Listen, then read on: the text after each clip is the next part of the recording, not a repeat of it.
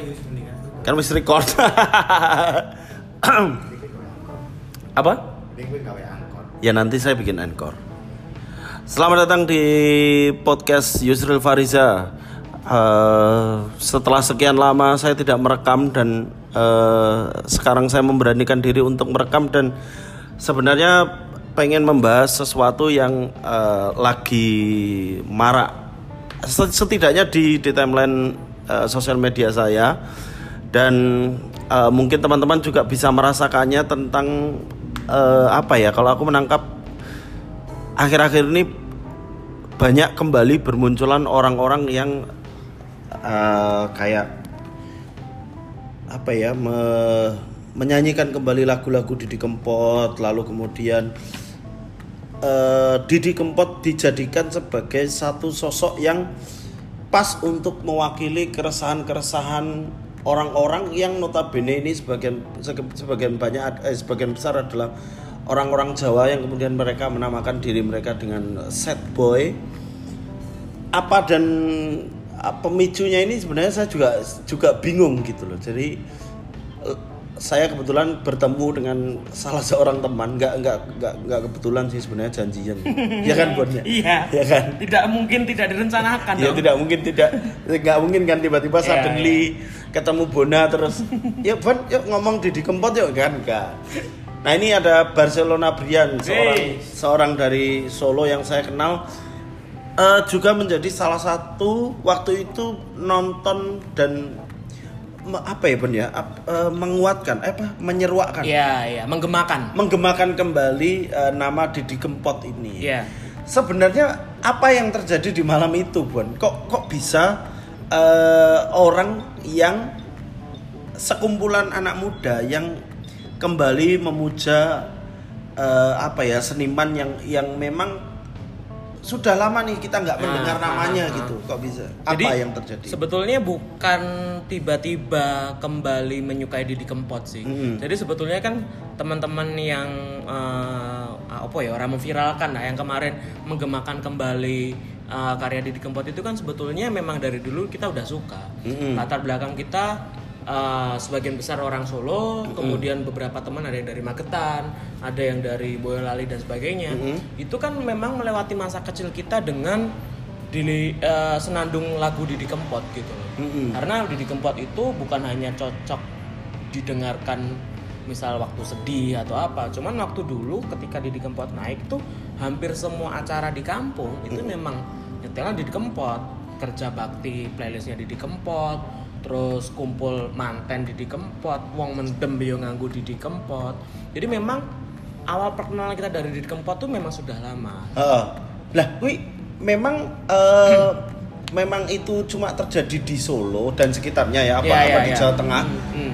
Karena aku sendiri waktu aku kan kecil memang di Jawa Timur, Iya, tapi eh, besar itu di Jogja. Hmm. Sampai di Jogja pun aku nggak merasakan semenggema ini se sebegitu besarnya eh, era keemasan di Didi Kempot ini. Kempot. Nah, eh, apa aja dulu yang tadi ya? Mm-mm. Nah, uh, waktu itu sebetul eh, sebetulnya eh, kita semua udah kenal Didi Kempot dari dulu dan memang sudah ngefans lagu dari dulu. Di tongkrongan juga udah gitari lagu Didi Kempot dan sebagainya. Cuman Didi Kempot itu setauku jarang bikin sebuah pertunjukan yang bisa diakses oleh banyak orang kemudian dipublikasi di sosial media. Mm-mm. Eh, Didi Kempot sih. Didi Kempot baru saja bikin sosial media ya? Eh, sebetulnya udah dari dulu, cuman akhirnya baru diurus bener-bener belakangan ini. Oh, udah dari dulu Udah dari dulu, cuman nah ini, ini nanti eh, akan aku obrolin juga. Ah. Jadi waktu itu eh, kita eh, nonton posternya itu di salah satu info agenda-agenda gitu loh. Mm-mm. Agenda-agenda kegiatan kota gitu loh, agenda Solo. Dia bilang, "Oh, Didi Kempot main di acara ini." Aku yakin beberapa dari kita meskipun sama-sama di Solo, Mm-mm. udah ngikutin Didi Kempot dari lama, itu mungkin banyak yang belum pernah Didi, nonton Didi Kempot, Didi Kempot sama sekali loh. Live. Live. Oh. Karena Didi Kempot tuh seringnya main di acara corporate, Ya. sering main di acara eh, hajatan kampung. Suriname itu ya. Iya, iya kak. Nggak mungkin dong kita ke Suriname Iya, nonton, iya. Didi Kempot. Emang ada. Ada. Ba- Bantah meremehkan. Tapi kenapa? meremehkan. Kenapa orang Solo? Didi Kempot itu orang paling terkenal di Sunda. Iya, Didi Kempot orang paling terkenal di Suriname, Cok. Mm-mm. Nah, jadi emang jarang. Aku bahkan baru nonton Didi Kempot tuh tiga kali doang. Se seumur hidupmu. Seumur hidupku. Secara live. Dua kali itu di acara yang berbayar, ah, nggak berbayar, panggung terbuka. Mm-hmm. Satu itu di acara 17 Agustusan kampungku. Oh. Karena eh, keyboardisnya Didi Kempot itu adalah tetanggaku. Jadi pitulasan ngundang Didi Kempot. Oh. Nah, jadi jadi sebetulnya kemarin itu memang karena kita di tongkrongan gitari Didi Kempot, nyanyi lagu Didi Kempot, ketika dia datang dan selama ini kan sebetulnya beberapa dari kita sudah mengkultuskan Didi Kempot nih. Mm-mm. Kita aku pernah bikin akun tribute to Didi Kempot namanya dulu Dadi Kempot. Apa? Dadi Kempot. Oh, dari kempot. Itu 2013. Mm-mm. Sebelumnya namanya adalah eh, Didi Kempot Mania. jelek ya, jelek ya. Emang Didi Kempot Mania. Cuman karena waktu itu sering disalah mention sama radio sama akun-akun gitu loh. Kayak misalnya main di MNC ini. Mm-mm. Sekarang tampil di MNC TV Ikan Ruzana with Didi Kempot Mania. Padahal itu bukan akunnya Mas Didi gitu. Oh. Nah makanya aku wah daripada disalahgunakan, makanya aku ganti namanya Dadi Kempot. Ah, strip Superstar Jowo. Oh. se- jadi sejak 2013 pun sakjane, Bon. Aku udah bikin akun itu. Oh, fanbase kuwi. Iya awalnya fanbase. Oh, mm. Karena kan dulu ya kita suka di Kempot tapi yus lah gaya-gaya kan apa ya gitu loh. Dan kita kan suka di Twitter tuh motong-motongin video di YouTube liriknya di Kempot itu loh. Mm-mm. Kan di Kempot tuh setiap video klipnya pasti ada potongan Apa running text kan buat ya, text-nya. liriknya kan. Iya, Ah. jadi meme gitu loh. Ah, jadi meme. jadi ya lah jadiin satu sekalian. Oh, Gitu. itu, kui- itu akun akun tribut untuk Didi Kempot. Iya, Si iya, Apa iya. itu Didi Kempot itu? Jadi Didi Kempot Mania. Mm-mm. Kemudian karena sering salah mention radio sama TV. Enggak saya kepikiran ke- kepikiran untuk menamai Didi Kempot Mania itu apa tuh sebabnya tuh? Iya, Enggak, iya. enggak, Apa? semua Enggak. enggak semua fanbase itu harus diakhiri dengan mania apa er loh. nggak pernah ada Didi Kempoter tidak gitu. pernah ada penyebutan fans secara resmi misal ungu ungu clickers Iya. sobat Peter Pan eh, Sahabat- sahabat Peter Pan, sobat Peter Pan. Selageng. Didi Kempot tuh nggak pernah ada Eh tau nggak nama fannya Fagetos? Ripi Fagetos Salah. apa Fagetista. Iya. Fagetista. Iya, tapi masuk loh. Emang Kan iya. Fagetista. Emang itu. Iya, iya, iya. Emang itu karena kan dia waktu itu kan katanya katanya Ya, ya, memang ya. memang eh, seneng sama klub-klub Itali gitu. Fagetista. Fagetista, Fagetista. Ya, ya, ya, ya. Tahu fan Gitu, klubnya Raja? Ah, raja itu bentar, bentar, bentar. Ah, Ini kan sahabat raja kan bukan? Bukan, Rajaku. Ya Allah. Ra- rajaku. loh. Rajaku. Iya, iya. Yang yang nggak masuk sih gigi tuh, gigi kita tuh nggak masuk. Nggak masuk. Baladewa masuk. Kalau dia masuk. Baladewa masuk. Baladewa masuk. Selageng masuk. Selageng masuk. Selageng masuk. Sobat padi juga masuk Sobat ya. Padi masuk. Slanker itu. Slanker wah, juga. itu paling anu, paling ikonik. Iya, iya, iya. Didi Kempot, Didi Kempot mania. Eh, nyambung ke Didi Kempot. Hmm. Menurutku Bon ya, ini ini kita berbagi pandangan bukan bukan bermaksud eh, untuk ngejudge atau atau apa pun teman-teman Hmm. di sosial Ah. media yang sedang eh, merayakan bangkitnya kembali era ah, mencoba membangkitkan menggemakan kembali Didi Kempot ini di sosial media gitu. Tapi Hmm. menurutku sejauh aku memandang itu mungkin eh, Didi Kempot ini kembali menggema itu karena ada kan kemarin kita udah cerita ya. Iya. Karena ada eh, titik jenuh di mana orang-orang yang tidak tinggal di Jakarta kemudian mencari sosok yang kira-kira bisa mewakili perasaan mereka tapi tidak mainstream. Iya nggak toh? Iya, iya, Nah, aku- iya. aku melihatnya melihatnya Iya, seperti iya. itu. Jadi iki loh, aku beda kok karo cacah Jakarta. Aku duwe icon dhewe iki. Aku duwe aku aku punya punya icon tersendiri untuk sosok yang menggambarkan kesedihan aku anti. Sorry lanjut tadi ada kepotong Iya. ada telepon masuk. Amatir. brengsek brengsek jadi gitu bang Iya. Eh, menurutku karena eh, ada ada katakanlah bahasa agak eh, frontalnya adalah ada sentimen di mana eh, anak-anak yang tidak tinggal di Jakarta atau anak-anak daerah lah utam eh, kita sebut saja ya walaupun Jakarta sebenarnya daerah juga ya tapi anggaplah seperti itu mudahnya seperti itu ada sentimen di mana aku punya sosok eh, seseorang punya sosok eh, perlambang akan kesedihan. Hmm. Aku katakanlah anti yang namanya Firsa Besari. Aku anti terhadap itu gitu. Aku punya sosok Didi Kempot. Ah, ah, ah. Kenapa aku harus punya Firsa Besari? Aku punya Didi Kempot. Ah. Gitu. Kalau nek aku, Iya, nek iya. pandanganmu piye? Kalau sebetulnya bukan usaha untuk menandingi etalase musik Jakarta sih sebetulnya, tapi Iya. lebih ke usaha untuk melegitimasi status legendnya Didi Kempot, lebih ke arah situ sebetulnya. Karena selama ini Didi Kempot itu udah dari tahun 94 loh. Berkarya? la- iya, bahkan tahun 80-an tuh dia bikin grup eh, namanya Betara Group itu sama almarhum Mami, Mm-mm. kakaknya. Hmm. Terus dia juga pernah ngamen uh, nama grupnya tuh Kempot itu kan singkat akronim, namanya Hmm. kelompok pengamen trotoar. Oh, itu. Iya, Kempot itu kelompok pengamen trotoar, ngamennya di bundaran? Selipi. Serius? Serius. Serius, Cok. Serius, Kempot itu kelompok pengamen trotoar, ngamennya di bundaran Selipi. Waktu itu kan ada anu kan, ada Ah. ada guyonan di Twitter kan. Ah, ah. Eh, fun fact itu Ah, katanya. fact, ah, ah. Kok namanya Didi Kempot sih kan nggak ada kempotnya gitu. Terus ada yang jawab, Ah. Edi Sili Tonga juga silitnya nggak tonga. Ati CB naik Revo masa nggak boleh? boleh dong. Boleh dong. Boleh dong. Ati CB masa nggak boleh naik metik? Ya iya, boleh Ya dong. tetep boleh no. Iya, ya maksudku dari Kempot tuh dari 80-an akhir tuh sudah bikin itu dan Mm-mm. Betara Group itu naik eh, kemudian eh, 94 93 tuh rekaman di Jakarta terus sama bikin kelompok namanya Kempot itu kelompok pengamen trotoar. Mm-mm. Jadi sebetulnya dari dulu dah dan video-video video lagu-lagunya hitsnya di Kempot tuh kan setiap orang di Jawa Tengah itu menurutku pasti punya edisi bajakannya atau apa tuh pasti punya. Pasti, Dan ya. yang kita udah akrab dengan pemandangan di Kempot di satu tempat wisata, burine wong wedok ayu, Ayu. terus eh, ngambil gambar gunung, tiba-tiba ada cewek empat joget-joget tengah, tapi di Kempot di close up. Nah itu udah kita udah akrab dengan pemandangan itu gitu. Jadi kenapa dia tidak pernah mendapatkan fame secara nasional sebesar itu gitu? Hanya hanya di hanya ya di sekitar Jawa. Jawa Tengah, di Jawa Timur atau bahkan di Jogja gitu loh. Nah sebetulnya tuh pengen-pengennya itu ingin ingin melegitimasi status dia sebagai itu karena jujur aja nih ada beberapa temen yang dulu itu agak malu mendengarkan Didi Kempot Hmm. untuk menampilkan identitas bahwa dia dengar Didi Kempot itu takut diidentikan dengan apa ki musik desa, Hmm. ngrungokke lagu nih bapak-bapak campur sarinan gitu. Itu itu ada sih. Jadi sebetulnya awalnya untuk itu.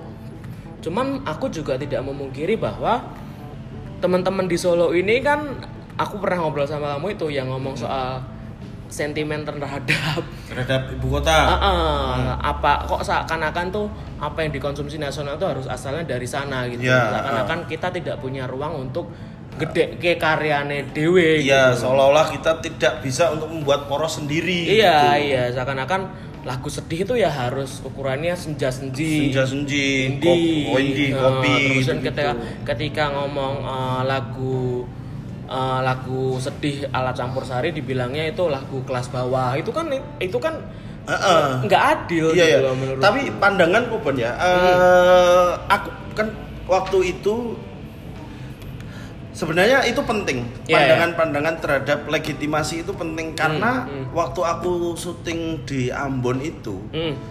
itu bagaimana orang-orang Ambon sangat sangat apa ya sangat sangat pede untuk Menyanyikan lagu-lagu. Lagu. lagu-lagu yang yang mereka yang tahu gitu Ah, padahal ah, lagunya bukan bukan lagu remix atau apa Ah, lagu pop ah. lagu pop yang ya, Ya, lagu sangat Ambon sendiri. sangat Ambon gitu loh sangat Ambon ini maksudnya bukan bukan kok ininya temanya tentang cinta gitu Hmm. tapi eh, nama-nama tempat gitu Ah. mencintaimu dari RRI apa apa gitu gitu RRI RRI Ambon ada kenangan di RRI Iya, Ambon iya, gitu iya, gitu iya, iya, iya. jadi mereka eh, waktu waktu aku ke Ambon tuh ada apa ya kayak landmark gitu Ambon kota musik mereka sangat bangga akan itu loh. Hmm. Iya, iya, iya. maksudku memang memang kemudian me- me- apa ya menggemanya kembali di Kempot ini mungkin bisa jadi satu simbol kebanggaan baru orang-orang Jawa paling Iya iya dan eh, sebetulnya kan sebelum sebelum ramai yang Didi Kempot naik kemarin kan Mm-mm.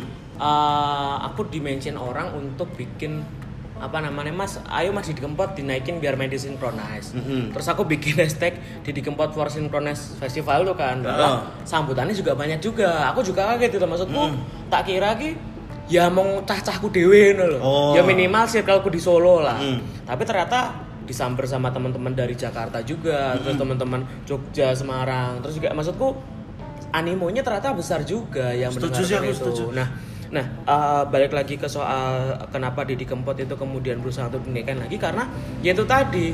Karena kan gini, kalau ditarik sedikit mundur ke belakang, Hmm. kayak NDE kan naik nih, Ya, Guyon Waton naik, Nah. terus apa namanya eh, Via Valen naik. naik di daerahnya. Kalau Di da- kasusnya NDX aku setuju kalau Iya, iya, kalau iya. NDX ke nasional aku setuju, tapi kalau Guyon Waton belum lah. Ya, ya pokoknya intinya lagu-lagu bertemakan eh, eh, cinta-cintaan kemudian Heeh. menggunakan bahasa Jawa itu kan naik lagi, trennya Iya. naik lagi. Di Solo ada Visip Meraung. Ah, Terus kemudian eh, Topik. di Semarang tuh ada apa yang anu, eh, serempet budal ya? Ah, Serempet Budal. Ya, maksudku lagu-lagu menggunakan eh topik itu ya anu. Iya ya, TV Visi Semarang. Lagu-lagu yang menggunakan bahasa Jawa tuh kembali menemukan identitasnya gitu loh. Iya, iya, betul, betul. Sebelum jauh sebelum mereka tanpa mengurangi hormat atas pencapaian mereka, kalau ditarik mundur kan kita punya banyak deretan musisi yang sudah melakukan itu gitu. Iya, betul. Mantos, Mantos. ya kan Cak Dikin, terus Judi Kempot. Nah, karena aku orang Solo ya aku berusaha untuk menaikkan apa yang memang relate sama Solo gitu loh. Jadi ya waktu itu ya kita memang ini sama Didi Kempot gitu loh. Loh waktu itu yang yang yang pertama itu memang memang skala apa bukan skala sih. Maksudnya sebuah gaung yang memang direncanakan apa memang bergulir kayak anu, Bon? Iya bergulir aja, nggak pernah merencanakan siapa sih yang pernah merencanakan viral kan nggak ada sih. Kecuali kita dibayar untuk bikin hashtag atau tapi ada, mengapa- Iya itu ada. Ada, ada, ada, ada iya. agensi-agensi yang Ada. yang membanggakan bahwa mereka sudah pernah memviralkan Saya sesuatu. akan bikin sesuatu yang viral kekinian. Ya. Contohnya apa? Saya pernah bikin Om Telolet Om. Oke, oke, oke. Tapi apakah kamu bayar DJ DJ yang di luar sana Iya, untuk ngomen Om Telolet Om? ya itu maksudku memang memang eh, aku juga kaget gini sih kita kan waktu itu nonton jam eh, dari jam 7 udah ngumpul nih di balik Kembang. heeh. jam 10 eh jam 10 11 selesai terus jam 12 pada balik kita kan satu tongkrongan di RBI rumah Hmm. Indonesia tuh ngepost semua lah ngepost juga di dibantu up sama Agus Magelangan. Dia Ah, bikin Agus. itu kan lumayan panjang nah dan juga sama eh, nanti kita sambat tentang hari ini tuh Oh iya, teman-teman dari. Mojo. Heeh, Mas Ai itu dia bikin juga nyamberin. Nah, Ah. Ya kan uh, algoritma Twitter itu kan sangat ramah terhadap tweet bahasa Jawa dan user dari Masa Jawa sih? ya. Iya. I- itu kan kowe nge-tweet Jawa coba. Apa ke parian, keguritan, apa kowe mesti engage semua apik. Hoi, semua apik Oh, sumpah? Iya kan? Hoi. Semua akeh, bijak Jawa. bijak Jo. Aku pernah toh nge- yang sekarang jadi tak jadi ini tuh di Pin tweet? Bukan, iya pin tweetku Ah, itu. ah, ah. Nek pendapatmu beda, Ah. orang bakal tak musuhi. Ah. Paling ngeratak jadulan. Ah.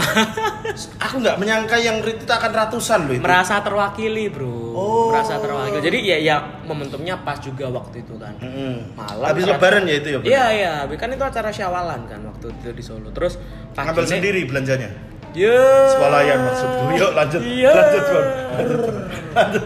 pagi-pagi kok masuk trending topik gitu loh terus apa namanya eh, kayak CNN apa Mm-mm. itu ngambil yang sedang viral nih di di Twitter Apa CNN? Iya, Lord of Broken Heart jadi kempot gitu. Sebetulnya penamaan itu terus head boys itu sebelumnya nggak pernah ada. Cuman ya gimana sih kreativitas orang ketika sudah mengkultuskan sosok itu kan pasti Heeh. ini kan kayak misalnya kita eh, nyebut Mukti Lord Mm-mm. Oh, itu kan iya. tidak pernah direncanakan kan. Cuman sebelumnya ketika nonton, oh itu banget ki, Mukti jadi Oh, Lord. ah. Nah itu gitu. Jadi sebetulnya eh, karena kita sudah mengkulturkan sosok itu, jadi untuk menyebut itu kan perlu itu, perlu menyematkan apa ya, sesuatu yang wah gitu loh. Ya wes Hmm. namanya itu. Lord of Broken Heart. Iya, terus sebetulnya sebelumnya kan nggak pernah, nggak Iya. pernah itu karena ya memang Didi Kempot ya besar secara natural tanpa perlu di dikerek oleh gelar tertentu gitu. Betul, betul, betul. Saya setuju itu. Nek eh, dari aku kan nggak nggak Iya, iya. sebenarnya eh, kemarin kita sempat menyinggung bahwa bahwa apa ya Jawa itu kan banyak teman. Iya, iya. Bagaimana Didi Kempot meng, me- apa ya menyatukan semua Betul, bahasa itu betul, kan? betul. Kue pernah pernah menanyai itu gak sih? Kue pernah pernah pernah ketemu gini. Mas Didi Kempot gak sih? Udah pernah? Maksudnya, Udah pernah. mau- mau oh, belum, belum, belum, dan- belum, belum. Aku malah belum pernah ketemu wawancara ketika sudah naik ini karena bikin acara di RBI. Iya, iya, Itu iya. acara apa? Aku udah di Jakarta. Oh. Eh karena sih, sih. ini karena eh, berangkat dari sebuah obrolanku dengan Bona ketika aku merasa bahwa apa yang ditulis sama Mas Didi Kempot ini adalah sebuah bahasa Jawa yang yang sangat universal yang bisa diterima oleh orang Jawa Timur, oleh orang Jawa Tengah, oleh orang Jogja, oleh orang yang Jawanya ngapak. itu eh, Jawa itu kan banyak gitu loh. Iya, Tapi, iya. Eh, rumusan yang dipakai Didi Kempot nih apa? Kok kok dia bisa seolah-olah bisa Diterima. menjeneralkan, eh, Ah. bahasa itu? Ya eh, satu tuh menurutku karena relate sama di sebagian besar orang Jawa itu kan semeleh dan Semeleh nerimo, Semeleh nerimo, semeleh yo wis berserah loh. Oh. Dan nerimo. Ada, ada bahasa-bahasa Jawa yang, yang aku sendiri Semeleh- gak tahu. Semeleh dan nerimo kuwi kan Jawa banget. Kaya sing nek nek oh yo alhamdulillah nek ora yo apa-apa kuwi lho. Oh. Semacam semeleh seperti itu. Nerimo yang pandung. Ya seperti itu Oh, semeleh. iya, iya, Terus iya. apa jenenge eh, yo wis ora ngoyo sak madione. Didi Kempot itu hampir semua lagunya merepresentasikan spirit itu. Oh, iya nih. Dia tuh Iya, selalu Nen. menempatkan orang sebagai orang paling menderita sedunia Iya. dan paling pesakitan loh. Tapi misal- tidak memainkan diri sebagai korban, Bon. Iya, kayak misalnya urip gari balung lilo tak lakoni. Uh, hidup hanya uh, tinggal tulang Ha-ha. tetap dijalani. Terus kayak misalnya dia kangen banget sama seseorang, dia berimija- berimajinasi menjadi hewan. Uh, contohnya ini, umpomo tanganku dadi suwiwi. Suwi itu apa? Sayap. Oh, saya apa ya? Su- Saking suwi, saking iya, iya. kangen karo wong ning beda pulau. Ha-ha. Aku nek duwe sayap ki tak parani. Tapi gue lucu. Iya, kan? Tapi gue maknanya dalam loh. dalam dalam terus apa namanya Didi Kempot itu sama seperti almarhum Mami Istri Mulat. Itu kan kakak beradik. dia juga menciptakan diksi baru yang sebelumnya belum pernah ada. Contohnya? Mami Istri Mulat itu adalah orang salah satu yang mempopuler- mempopulerkan diksi mak bedunduk mak jegagi. Yang sebetulnya kalau ditelaah dari eh, bahasa Jawa nggak ada artinya. Mak itu ya? emak bedunduk emak jegagi itu. Mami itu kan sering banget nongol tiba-tiba tiba apa? Emak bedunduk emak menjegagi Hmm. nah Didi Kempot salah satunya adalah meng, apa namanya mempopulerkan sekonyong-konyong. Sekonyong-konyong dalam lagu Jawa itu ya. Nah, itu kan ada lagu yang Cintaku sekonyong-konyong koder nah itu tuh aku pernah baca ada salah satu guru bahasa yang pernah ngomong bahwa Didi Kempot itu salah satu penyanyi yang memunculkan istilah-istilah baru yang belum pernah dipakai Salah satu sekonyong-konyong itu. Iya, iya. Loh, dalam kamus itu gak ada tuh Ya, sekonyong-konyong. coba aja cari KBBI ada apa enggak. sekonyong-konyong itu oh iya ya dalam bahasa Jawa itu pun eh, setidaknya dari aku yang yang kecil di Jawa Timur dan dan besar di Jogja itu Hmm. tidak pernah menemukan penggunaan kata sekonyong-konyong dalam sehari-hari. eh aku kok sekonyong-konyong kok ngene ya lah. Kalau ada di KBBI pun menurutku ya kan bahasa itu kan sangat eh, fleksibel ya dan eh, apa namanya tergantung dari penggunaan sehari-hari kan. Dulu kan kayak kata tiba-tiba itu kan ya tiba-tiba bukan jadi tiba dan gara-gara ya gara-gara bukan jadi gegara. Gara-gara Tuh dengerin seleb ada yang Ah. enggak ah, kemudian itu menjadi kata yang dimasukkan ke KBBI Sri. Emang iya. Iya. Gara-gara itu seleb tweet. Iya, terus ini- Puisi-puisi. Ini, maksudku gini, eh, kenapa relate di Jawa tuh ya karena menurutku topiknya relate dulu gitu loh. Dia Hmm. samposikan sebagai wong sing semeleh dan rima yang pandum gitu. Dan apakah eh, Didi Kempot selalu meletakkan posisinya sebagai pria yang seperti itu? Maksudnya Di eh, banyak topik iya, tapi di banyak topik lagi dia mengangkat tema yang sangat sepele. Kau ngerti sindap kan? Wow, Sindap tau gak? pelayar. Simbat maksudku. Sindap. Simba, Simba. Simba. Simba. Itu adalah topik sindap i anu rambut loh. Kutu rambut itu loh. ya Allah. Dia pernah bikin lagu tentang sindap. Sindak eh, di bahasa Jawaku itu tumo. Iya ya semacam itu. Nah, itu Heeh. Terus dia pernah bikin lagu na- judulnya adalah uh, Kelengkeng Bandungan. Kenapa harus Bandungan? Nah, Kenapa harus Bandungan? Ini Bandungan. Kenapa bener. harus Bandungan? Bener kan? Enggak, enggak, enggak. Jawa itu kan banyak. Kenapa enggak kelengkeng mantri jeron? Ma- makanya aku mau ngomong. Oh iya iya iya, oke. Kelengkeng, kelengkeng Bandungan, dia bilang gitu. Asu, ngobok kelengkeng Rasane bunder-bunder dipangan pancen seger. Eh, Bos. Sopo wonge ora kemecer. Nah, itu ada yang memaknai kelengkeng Bandungan itu adalah Wow. personifikasi Filosofis gendeng. sebagai Edan. wanita tunasusila. Ngeri, ngeri. Karena ngeri, kelengkeng Bandungan. Hah? Bandungan kan tempat wisata, Ya, karaoke. prostitusi. Ya. Nah, ada salah satu lirik yang di Kempot tuh kelengkeng Bandungan bilang gini. Apa eh, yo wes mengkoyen wes gajian. Semahal apa sebuah kelengkeng ketika baru bisa dibayar setelah gajian? Kelengkeng loh, Bro. Kelengkeng itu semahal-mahalnya Ya, tadinya kan saya sempat meremeh. ak- Jujur aja aku tuh tidak tidak begitu anu bon, tidak Ah. begitu ter apa ya berafiliasi dengan dengan uh, Didi Kempot. Emosiku nggak nggak begitu banyak ditarik lah maksudnya ya nggak nggak besar di musiknya dia juga. Tapi memikirkan bahwa kelengkeng kelengkeng Bandungan itu adalah adalah apa ya kayak kayak Ya remeh Apa sih? temeh, sesuatu yang remeh temeh. sesuatu remeh temeh itu. ada ada lagu lagi namanya pom bensin Daleman. Daleman, Daleman ki ini perbatasan antara Sukoharjo, Klaten. Serius. Jadi pom bensin Daleman itu adalah TKP di mana dia berpisah sama kekasihnya. Harus di pom bensin. Kan Didi Kempot punya Tanjung Mas, Tanjung Mas Ninggal Janji. terus uh, Parang Tritis. Parang Tritis, Solo Balapan, Solo Balapan. Tonadi Giwangan juga punya. eh gimana tuh? Ada, ada di Giwangan juga ada terminal. Iya terminal Giwangan. Ada, tapi ada lagu Didi Kempot tentang Giwangan. Tahu ada. aku itu. Itu di Kempot. Ada. Terus eh, Bandara Kuala Namu tuh juga ada. Oh ada kalau itu ada ada. Yang nyanyi di Kempot. Iya, tahu Cintaku aku. di Kuala Namu tuh ada.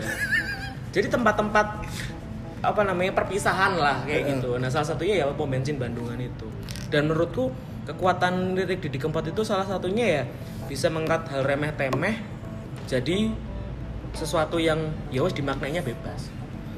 Tapi aku yakin dari dari dari bagaimana dia meracik lirik untuk Hmm. kelengkeng Bandungan itu Bon. Hmm.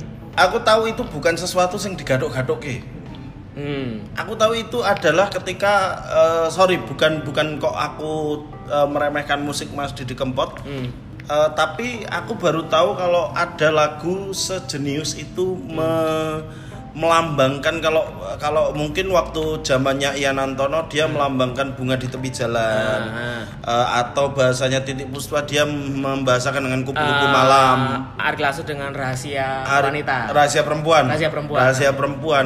nah kalau Didi eh, Kempot. Didi Kempot melambangkan dengan kelengkeng Bandungan kelengkeng dan harus Bandungan aku kira sik toh. Bukan ditujukan untuk itu. bukan ditujukan itu tapi ada oleh-oleh yang di apa gitu Kalau anda nonton video klipnya, tapi kalau gajian nah iya. loh kelengkeng apa yang hanya larang tenang, ya wes mengkone wes gajian. Nah, semahal apa sebuah kelengkeng? kelengkeng nggak oh, benar Sampai harus dibayar ketika dia sudah gajian. hanya bisa dibeli setelah gajian Nah, kelengkengnya se- sekilo 2000 loh ada lagi lagu eh, Cintaku Nyong Kuter.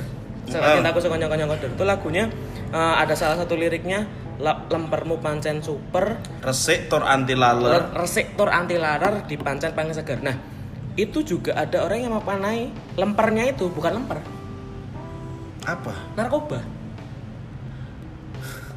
Lemper itu lalat loh bro. Eh apa namanya ketan. Ketan. Ketan ini dindi mesti cedak laler.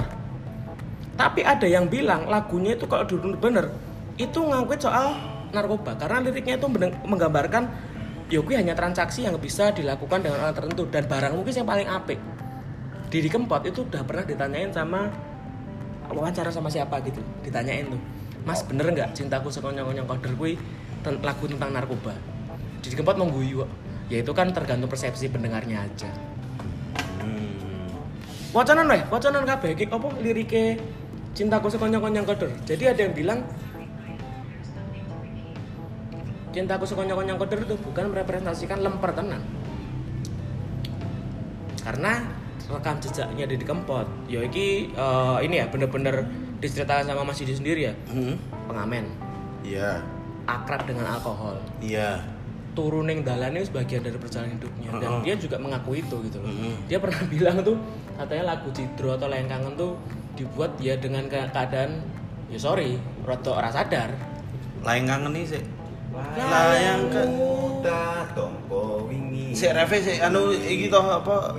La la la na na na na na na na Nama itu. Ah sapa wong sing Nah. ora kangen. Nah, itu. Oh iya iya. Jadi ada banyak apa ya? Ada banyak kayak majas gitu loh, Sri. Iya tapi aku majas itu bisa dibentuk akan dua hal pun. Yang Hmm. pertama adalah orang bagaimana bagaimana orang memaknainya. Hmm. Yang itu kemungkinan untuk digaduk-gaduk ke itu ya itu sangat ada, besar. ada. Contoh waktu itu adalah eh, lagunya mm, Mbak Surip Hmm. yang tak gendong ke mana-mana. Ya. Ngomong Se- selama selama sepanjang dalam perjalanan karir Mbak Surip Hmm. itu tidak ada yang memaknai lagunya sebegitu dalam setelah beliau meninggal. Setelah beliau meninggal baru Hmm. Eh, media-media banyak mengkaitkan ya, bahwa ya, ya, itu bisa jadi juga. tak gendong ke mana-mana itu adalah perlambang bahwa kita harus gotong royong ke mana pun. Oke kalau itu ya oke aku bisa terima tapi ya terlalu general lah. Ya, ya. Tapi nek melihat dari berkaca pada kasus Coba habis ini Anda nonton video klipnya kelengkeng Bandungan itu Ah, boleh nambah apa boleh mas? Gini. Se- kalau saya ya di luar itu semua majas-majasan itu ya Didi Kempot itu sangat salah satu orang satu-satunya orang Jawa yang paling terkenal di Suriname. Oke Iya. lah kita punya punya sejarah panjang eh, Orang keter- Jawa di orang sana. Jawa Jawa di sana. Cuman permasalahannya adalah diksi yang dipakai Didi Kempot ini tetap relate dengan orang Jawa yang udah nggak pernah pulang selama puluhan tahun loh Hmm. Di Belanda di, ya? di, Bu- di Suriname Di Suriname. di Suriname dan itu sampai ada ada seorang Najwa Sihabnya nah Najwa Najwa Sihabnya Suriname itu Ah. datang ke Solo Namanya dan siapa itu Najwa? Siapa? Waduh, lupa pokoknya itu Nggak, nggak usah ditanya. Najwa Jawa. Nggak penting. Tapi saya lupa Eh, Mami Minka atau siapa Ah, Tante Minka atau siapa gitu Ah. pokoknya dia sem- dia sempat membuat bersama krunya yang besar itu Mhm. dia sempat ngomong salah satu TV besar juga gitu dia sempat bikin suatu kayak studi tour tempat-tempat mana aja yang dibuat lagu oleh Didi Kempot. Itu Serius? itu serius. Itu serius. Ini serius. Anda bisa cek itu Ah, di YouTube dan ah. ini adalah bu- bukan TV kecil. Ini TV nasional Suriname. Dan presiden Suriname itu adalah orang yang saling ser- paling sering nanggap Didi Kempot gitu. Kalau anda ngomong bahwa Didi Kempot gak terkenal an- Didi Kempot bukan di sini tempatnya. Di Suriname di Belanda gitu. Bahkan saya pernah mendengar saya punya teman dulu di di di salah satu daerah di Belanda orang Jawa Hmm. punya tato di lengannya tulisannya aku tresno kowe Deng, aku tresno kowe dengan kowe yang K O W E H gitu Hmm. ya itu karena Didi Kempot gitu dan mereka tujuh bulanan ada orang Suriname yang tujuh bulanan tahu toh miton mitoni Ya, kalau dalam mitoni. mitoni kalau dalam orang Jawa itu dia tujuh bulanan ngundangnya Didi Kempot nah permasalahannya adalah oke kalian ngomongin soal majas yang saya Ah, tapi kenapa itu relate dengan orang yang nggak pernah pulang selama puluhan tahun ke Jawa ini kan yang ma- magisnya Didi Kempot kalau Iya. aku ngelihatnya di situ Hmm, hmm. Itu magis tuh Magis sih itu. karena diksinya itu masih masuk buat orang-orang yang nggak pernah sekarang kamu nggak pernah ke Jakarta dua hari juga mungkin akan tahu nggak nggak nggak tahu diksi- Perkembangan. perkembangan diksi-diksi di sini gitu. Iya, iya. Se- sebegitunya ya aku eh, eh, memang di, memang Mas Didi Kempot juga di dia pernah kan waktu pas di acara balik kambang itu Mhm. eh, emang kan waktu itu yang nonton anak-anak muda semua tuh Heeh. anak-anak muda semua di depan Mas Didi bilang wih ini penontonnya ngarep ki akademisi Hmm. karena dia menganggap pendengar dia di sini itu bukan kalangan dari anak-anak muda yang yang kayak gitu gitu loh Oh. yang yang akademisi dan sebagainya dia bilang aku terakhir rame ini gini Suriname dia bilang gitu Iya. Mas Didi Kempot bilang gitu di atas panggung. Jadi sambutan yang semeriah ketika yang kamu lihat di video itu, Iya. terakhir beliau dapatkan itu ketika semua nyanyi semua di Suriname dia bilang gitu. Kayaknya eh, se ke depannya sih akan akan akan besar juga sih beberapa kali eh, dalam dalam panggung ke depan. Iya. Kayaknya dengan dengan dengan banyaknya apa ya gema Didi Kempot sekarang di Hmm. sosial media. Ini menurutmu tapi kita kan tadi sudah berbagi, Pan. Menurutmu apa Git yang menjadikan eh, Didi Kempot kembali banyak me- apa ya banyak dibahas di sosial media. Ah, kalau aku gini Didi apa yang membedakan musisi hari ini dan musisi di era Didi Kempot, Dewa dan bahas apa Fagetos, Raji dan yang lain sebagainya adalah gini pak.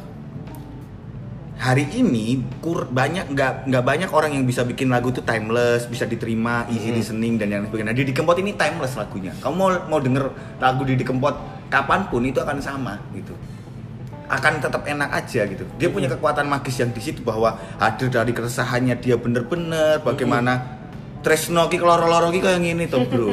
Nah, Tresno Tresno kayak ngono sing perlu dan dan buat orang Indonesia yang setiap hari mendengar di, eh, mendengar bahasa Jawa mungkin tidak akan jadi hal yang wah gitu. Ah. Cuman kalau or- buat orang Suriname, wah itu hal yang sangat wah. Wah. gitu. Karena gini perma- permasalahannya adalah di Suriname itu adalah bahasa keduanya emang bahasa Jawa. Sorry tak putus. Itu Jawanya Jawa Jawa ngoko, apa Jawa ngoko? Oh. ngoko, Jawa ngoko. Cuman yo kowe gitu. Hmm. Aku ndek biyen iso ngomong Hmm. ngomong Jawa tapi cah-cah enom neng para maripur wis ora ono sih iso ngomong Jawa. Itu adalah gaya bahasa Ya, Jawanya ya. orang. Aku ya keserap non- nonton video kamu Jawa nih Suriname. Kowe Itu. Aku Aku ya, iki? Aku punya aku punya temen namanya Om Jacob Heeh. yang itu orang Suriname, orang Hah? Paramaribo. Hah?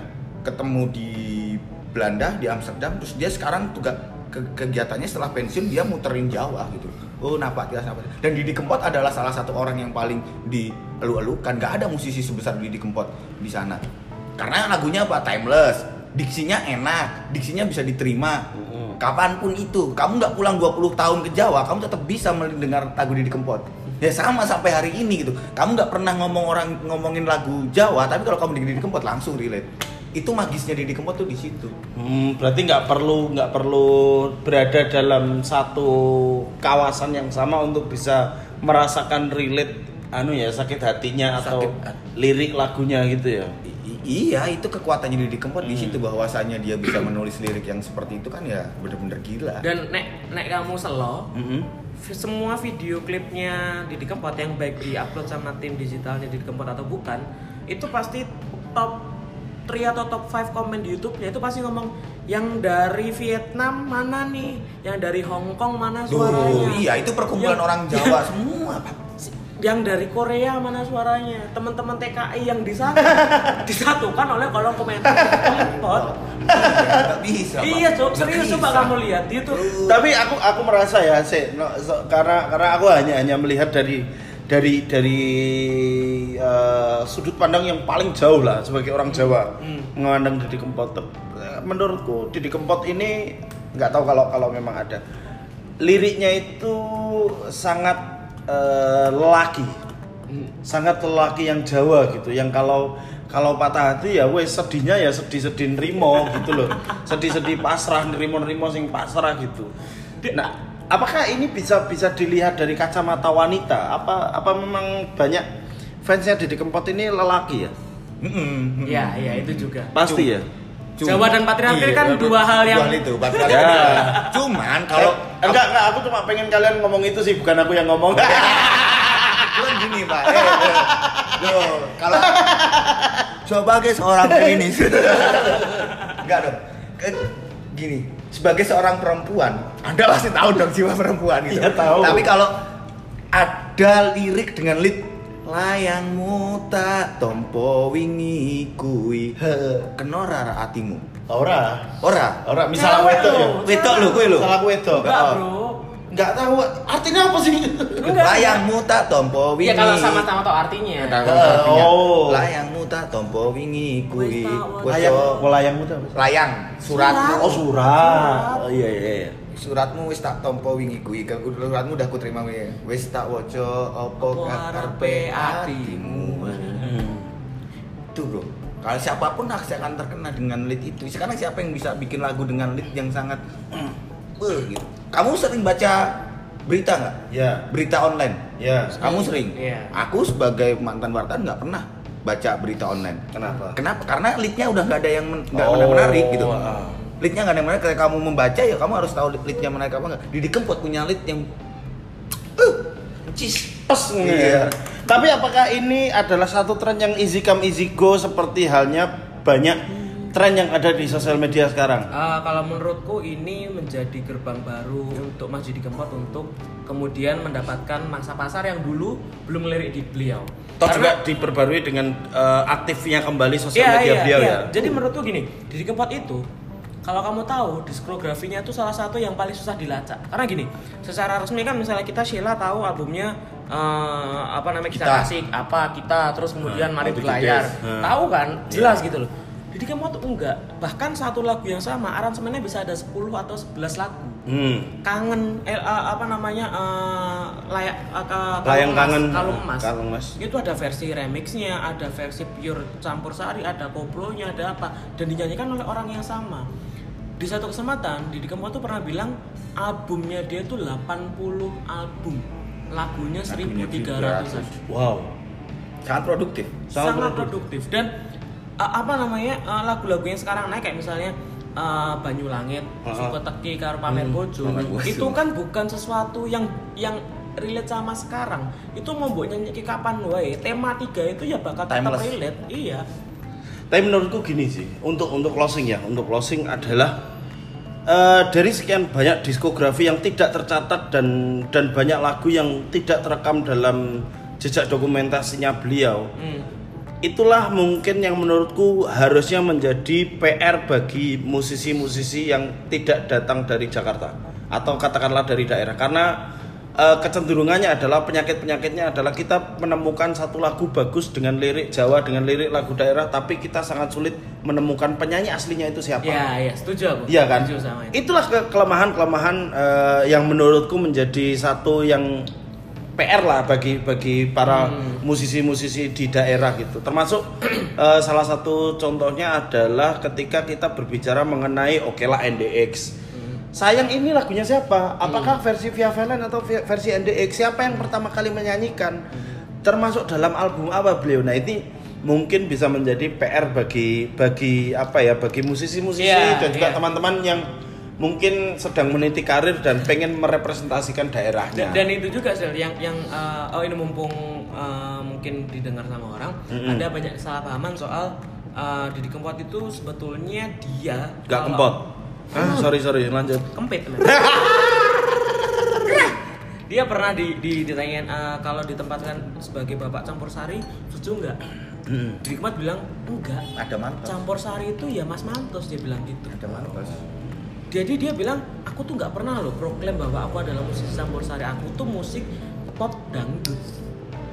Malah dia mengklaim pop dangdut iya ya. dia tuh nggak pernah. Aku ini campur sari nggak pernah. Aku pernah baca ada salah satu eh, mahasiswa yang pernah KKN di Gunung Kidul Mm-mm. di tempat kelahirannya campur sari di Mhm. desanya Mantos. Mama Mantos. dia bilang kenapa Didi Kempot itu bagi sebagian orang di daerah situ kurang di ini karena dia dianggap dalam tanda kutip merusak pakemnya campur sari padahal Pak Sari sudah sudah ada almarhum Manto sudah bikin ini kemudian masuk Didi Kempot bilang orang men- eh, menerjemahkan itu sebagai campur sari Campur sari, ya. dia selalu bilang aku gitu tuh mau campur sari aku ki musik dangdut pop Hmm. itu, itu juga jadi Menarik. apa namanya eh, eh, dan di banyak kesempatan dia bilang bapak campur sari gitu tuh aku mas mantos Mas dia bilang langsung bilang gitu dia selalu bilang gitu kalau aku melihatnya adalah ini terakhir Pak. Ya terakhir, Aku terakhir. melihatnya adalah Didi Kempot itu adalah benteng terakhir orang-orang Jawa. aku loh melihatnya loh, benteng terakhir orang-orang Jawa ketika hari ini Jakarta dengan hip hopnya, dengan Iya. scene hip hop yang kembali naik, Nah, terus apa ya? Sekarang tuh scene apa? Fest indie-indie dengan puisi-puisi yang di ber, ber- berima gitu, Folk, folk, folk, folk. folk dan yang lain sebagainya. Orang Jawa, eh benteng terakhirnya adalah Didi Kempot untuk melestarikan si Jawanya itu sama halnya dengan kayak gini, bro. Analoginya adalah kamu pernah tahu bagaimana distro waktu itu, uh, pol-polan Iya, gitu. Mm-mm. Itu kan adalah benteng terakhir tentang benteng terakhir clothingan Indie. indie Mm. di Indonesia dan Iya. dimulai dari Bandung di Prakarsa di Bandung di Indonesia untuk mem- me- me- me- membentengi Indonesia dari gempuran mode-mode Ya, Sufit, Sufit, Inside, ya. Planet Surf, Spider Bleed, Spider Bleed. dan lain sebagainya. Ya ini sama gitu dengan apa yang ada di Didi Kempot hari ini. Kalau ngomong Didi Kempot nggak akan mati gitu, nggak Ya. usah nggak usah diapa-apain juga Didi Kempot nggak akan mati, tapi tetap akan menjadi perbincangan dan akan dianggap sebagai balah dia adalah benteng terakhir gitu. Berarti eh, sepakat ini bukan hanya sekedar tren tapi ini adalah gaung awal untuk kembalinya ya. Iya. Enggak. Dan dan uh, kemarin kan sebetulnya uh, in a good way, sad boys itu kan sebetulnya kan Sad sebetulnya boys, kan itu boys. sudah dari dulu ya. Sad boys itu dari dulu Uh. orang-orang yang sedikit mendengarkan lagu bernada emo terus apa namanya kayak Boy Pablo yang sekarang Hmm. gitu lah kan Hmm. sad boys itu kan. Jadi kayak anak-anak sekarang uh, bisa relate mendengarkan lagu di kempot kemudian ada istilah sad boys itu bisa menjaring pendengar baru yang selama ini nggak pernah punya ikatan emosional masa kecil dengan Didi Kempot. Kalau sebagian dari kita kan mungkin kecilnya pernah denger nih. Mm. Nah kalau banyak yang anak muda sekarang yang mungkin kelahiran 2000 kemudian Dua. 99 dan sebagainya itu itu baru mendengar Didi Kempot ketika dia masih SMA Mm-mm. atau mungkin baru-baru ini. Nah set penamaan set boys itu sebetulnya adalah kayak gerbang begini loh. Ono ono ono semacam eh, apa jenenge?